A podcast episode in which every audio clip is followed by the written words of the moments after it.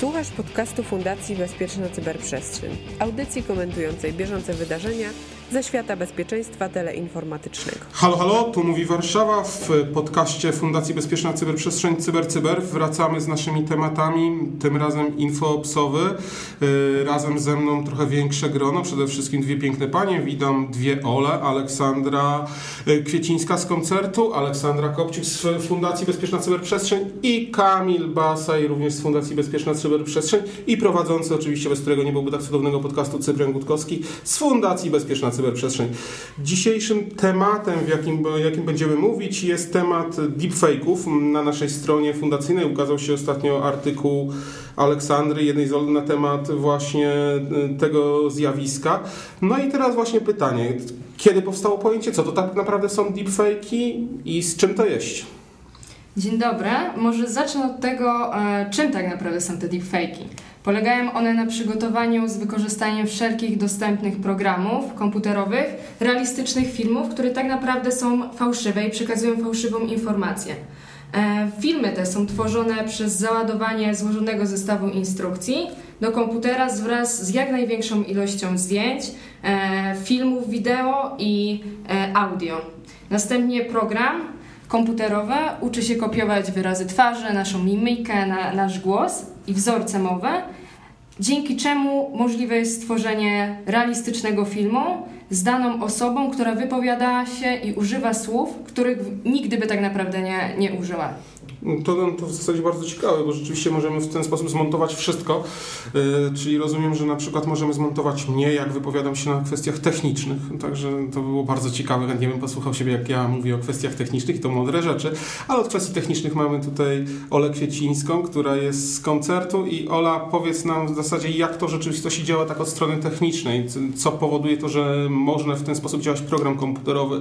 Dlaczego deepfake tam jakiś wiem, że wchodzą jakieś różnego rodzaju inne procesy w te zagadnienie, więc jakbyś mogła je nam przybliżyć od strony technicznej, będziemy bardzo wdzięczni. E, oczywiście opowiem o tym e, w pewnym uproszczeniu. Bardzo dziękujemy, to nam chodzi. E, natomiast e, sam termin deepfake pochodzi od e, deep learningu e, i od... A czym jest deep learning? Deep learning to jest proces uczenia maszyny pewnych naturalnych zachowań e, specyficznych na przykład dla ludzkiego mózgu e, i deep learning e, jest realizowany z pomocą sieci neuronowych. Kolejne trudne słowo? Tak.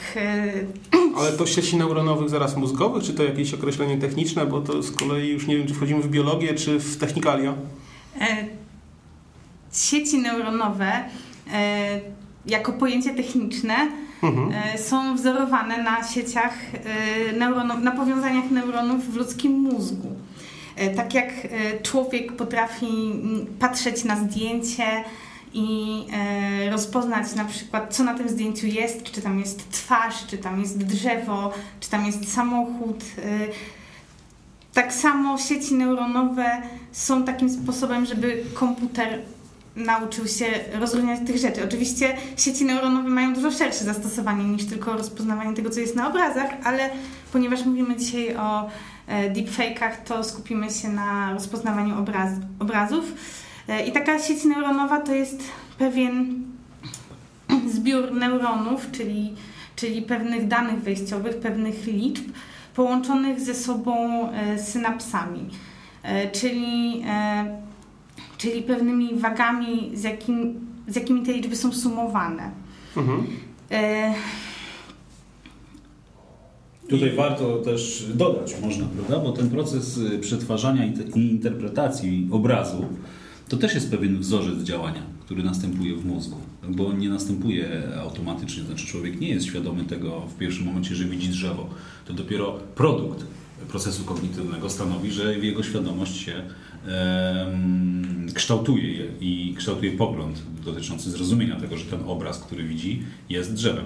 I to jest bardzo podobny proces do tego, o którym wspomniałaś. Tak, właśnie, dobrze, że o tym powiedziałeś. E, dlatego, że właśnie miałam przejść do tego, że sieci neuronowe są bardzo często warstwowe. Tak jak e, człowiek też właśnie od razu nie rozpoznaje, że coś jest twarzą, tylko na przykład rozpoznaje najpierw, że tam jest jakiś owal tej twarzy, jakieś oczy, jakiś nos, jakieś usta tak samo sieć neuronowa musi rozpoznawać poszczególne elementy. I ta warstwa wejściowa, y, na przykład w przypadku obrazu, to są pojedyncze piksele i to jeszcze po trzy neurony na każdy piksel, bo to jest y, RGB, tak? Mhm. Dopiero druga warstwa na przykład rozpoznaje, że tam są, nie wiem, proste albo jakieś pomniejsze elementy i kolejne warstwy rozpoznają coraz, y, składają coraz większe całości z tych elementów. Ostatnia warstwa mówi nam na przykład, że w danym miejscu była twarz. Dobrze, a ja właśnie takie jedno pytanie, bo rozumiem, że dzięki tym deepfake'om rzeczywiście uzyskujemy obraz i tutaj ja spotkałem się z pewnym określeniem takim jak blink eye, tak? I tutaj chodzi o to, że w ten sposób podobno można rozpoznać te deepfake'i, tak? Że coś tam, coś tam się nie zgrywa, jakieś odbicie w oczach lub tym podobne. Jak to wygląda? To są jakieś błędy algorytmu, czy, czy nie? Czy w ogóle coś wiemy na ten temat? Sądzę, że chodzi po prostu o to, że jeżeli podstawimy na przykład twarz innego człowieka z innego filmu, mhm. to, to wtedy te odbicia światła nie będą takie naturalne jak były tak, w, tym, w, tym, w, tym, pierwotnym wideo.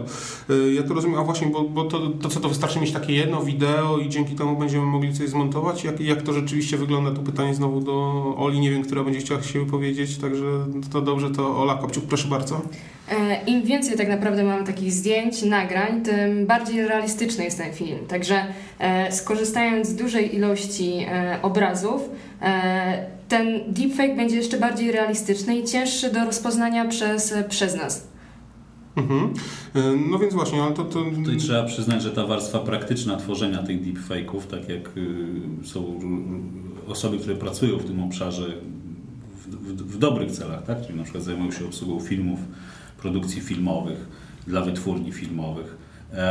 Minimalna ilość zdjęć, aby taki deepfake był wysokiej jakości, ale to nadal nie oznacza, że on jest y, w pełni imitujący tą osobę. To jest około 300 zdjęć przedstawiających różne ujęcia twarzy, która ma być e, zmapowana, a następnie odtworzona. I już podobno są nawet programy, które ułatwiają pozyskanie tych zdjęć. To znaczy, najczęściej pozyskują je z materiału wideo, gdzie po prostu dzielą po zidentyfikowaniu twarzy osoby, której poszukują, e, film na klatki i te poszczególne mm, e, klatki z, z obrazem osoby, która ma być odtworzona, zapisują po prostu oddzielnie. To znaczy tak, ja może teraz powiem, wspomnę, że rzeczywiście na naszej stronie mm, w artykule Oli jest y, kilka przykładów tego, jak wyglądają takie deepfake'i. To można sobie zobaczyć, to rzeczywiście wygląda bardzo realistycznie, na przykład wypowiedzi Baracka Obamy podstawione.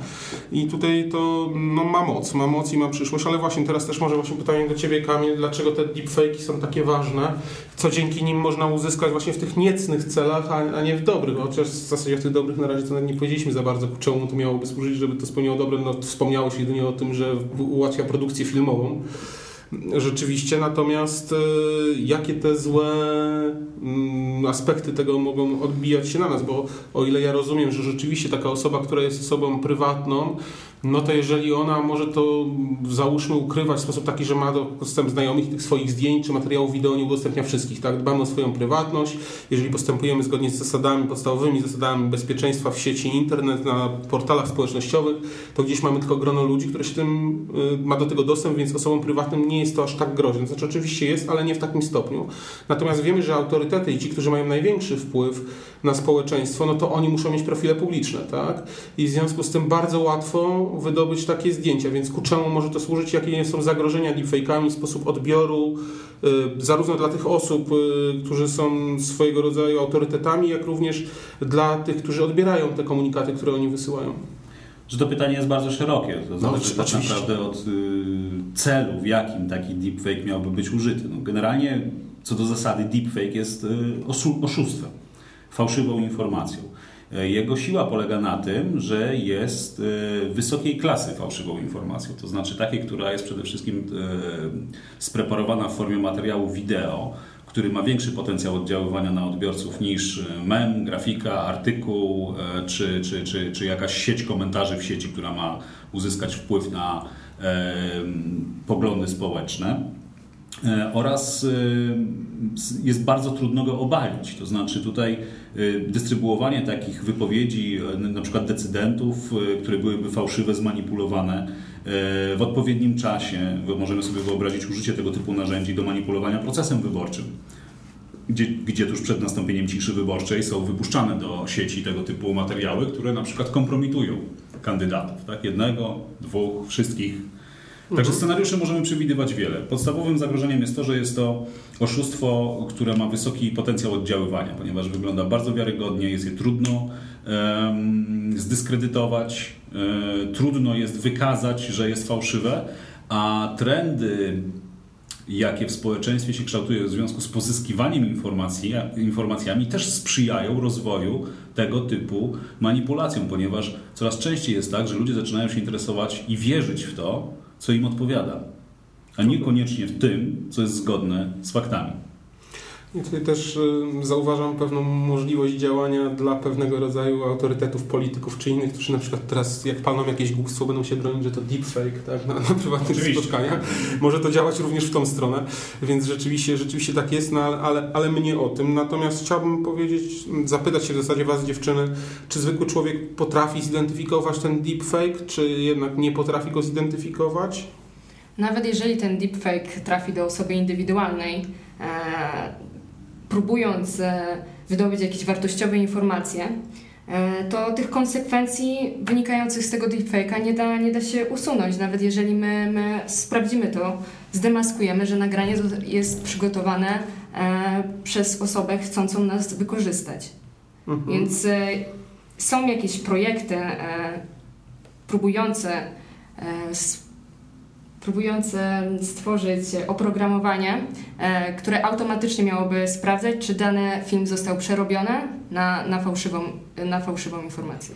No, ja się trochę obawiam tego z kolei w drugą stronę, że to sprowadzi taką cenzurę znowu, że nie będzie można nic y, umieścić w internecie, bo może też tak się zdarzyć. Czyli powiedzcie mi właśnie, jak, jak to wygląda z kolei na portalach społecznościowych, gdzie rzeczywiście takie filmy najczęściej się wrzuca y, i one tam mają najszersze oddziaływanie.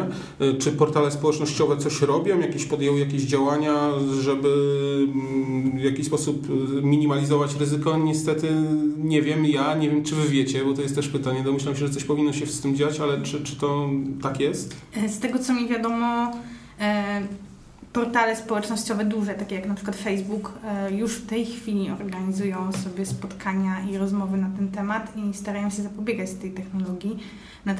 Natomiast nie mam wiedzy na temat tego, co oni konkretnie na tych spotkaniach ustalili mhm. między sobą.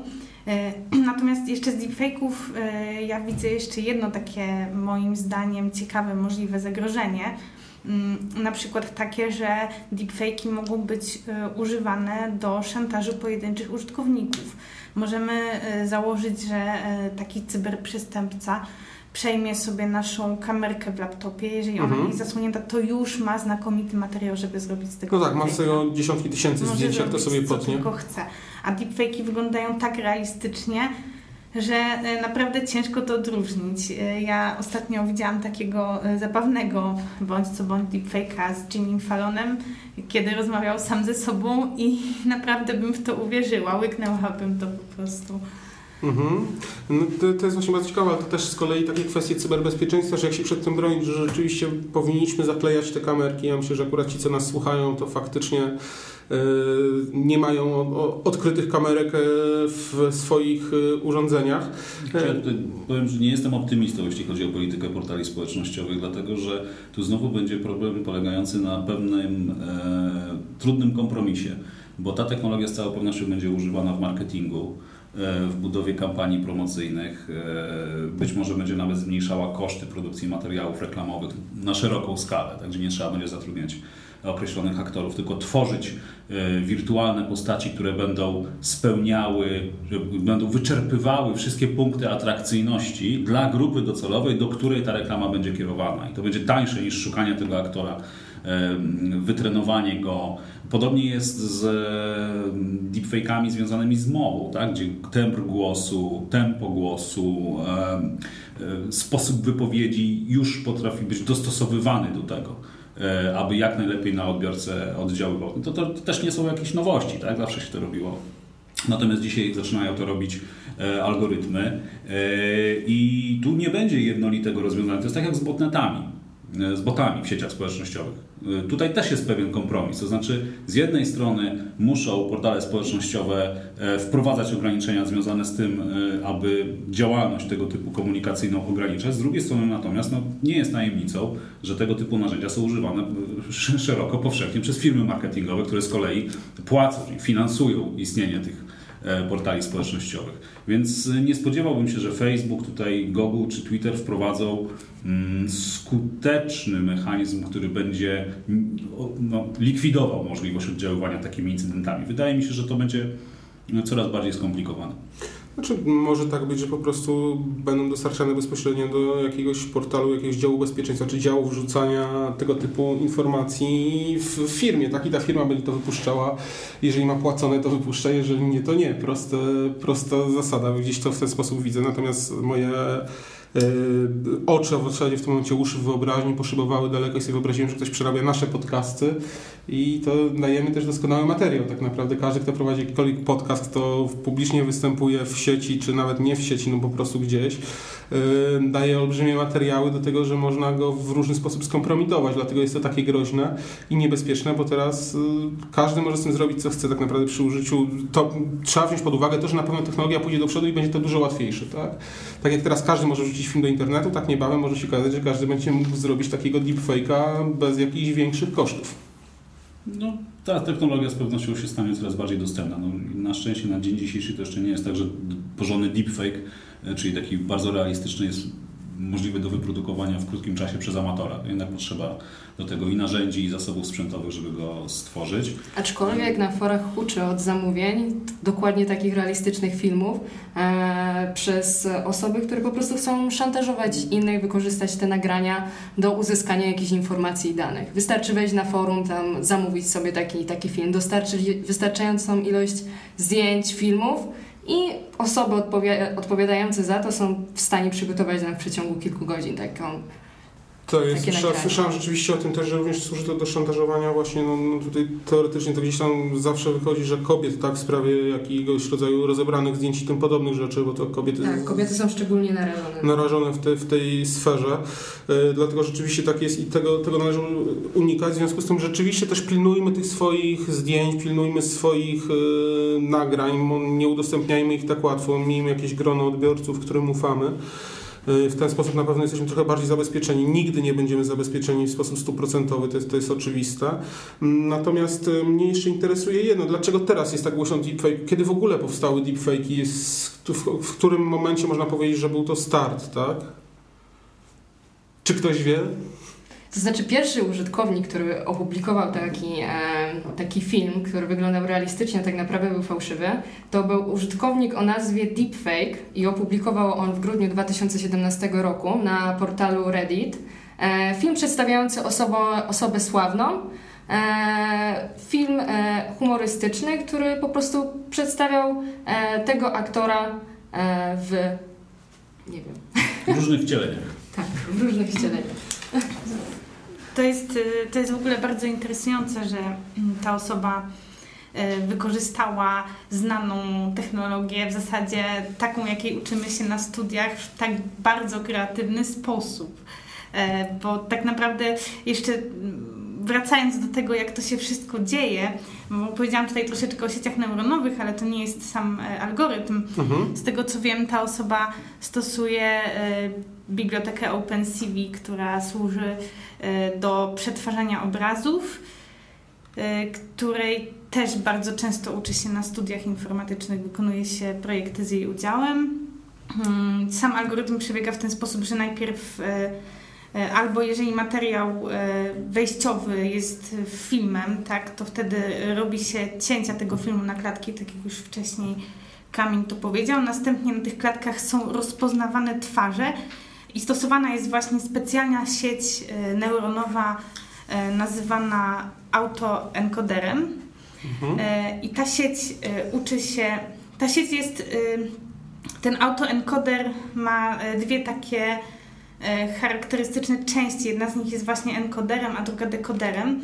E, I ta sieć, e, dwie takie sieci neuronowe są uczone jednocześnie Jedna z nich jest uczona na zdjęciu osoby A, druga z nich jest uczona na zdjęciu osoby B. I na czym to wszystko polega? Ten encoder przedstawia twarz tej osoby w bardzo, e, w bardzo uproszczony sposób, a następnie ta sieć uczy się odtwarzać ten obraz z, tego, mhm. z tej uproszczonej reprezentacji. Tak samo dzieje się z drugą siecią i w ten sposób powstają dwie sieci, gdzie jest jednakowy encoder i dwa różne dekodery. I to, jak jest ta twarz zamieniana, to ten wyszkolony dekoder z drugiej twarzy jest stosowany do pierwszej i w ten sposób uzyskujemy... I tu występował problem tak. odtwarzania ruchu zębów to stanowił chyba największy problem e, przy twór, tworzeniu deepfake'ów, to znaczy odtworzenia tego, w jaki sposób podczas ruszania ustami ruszają się również zęby. Na co na co dzień nie zwracamy uwagi, ale przy analizie takiego materiału to faktycznie się rzuca w oczy, jeżeli ten element ruchu szczęki jest nie, niedopracowany. Wtedy widać po prostu bardziej usta ruszające się na twarzy niż e, cały zespół szczękowy. Warto zaznaczyć, myślę, że również, że oprócz tej przedstawionej przez Olę modyfikacji, modyfikacji głosu i obrazu, e, mamy też możliwość dzięki tej technologii zmienić porę dnia ro, czy roku na filmie.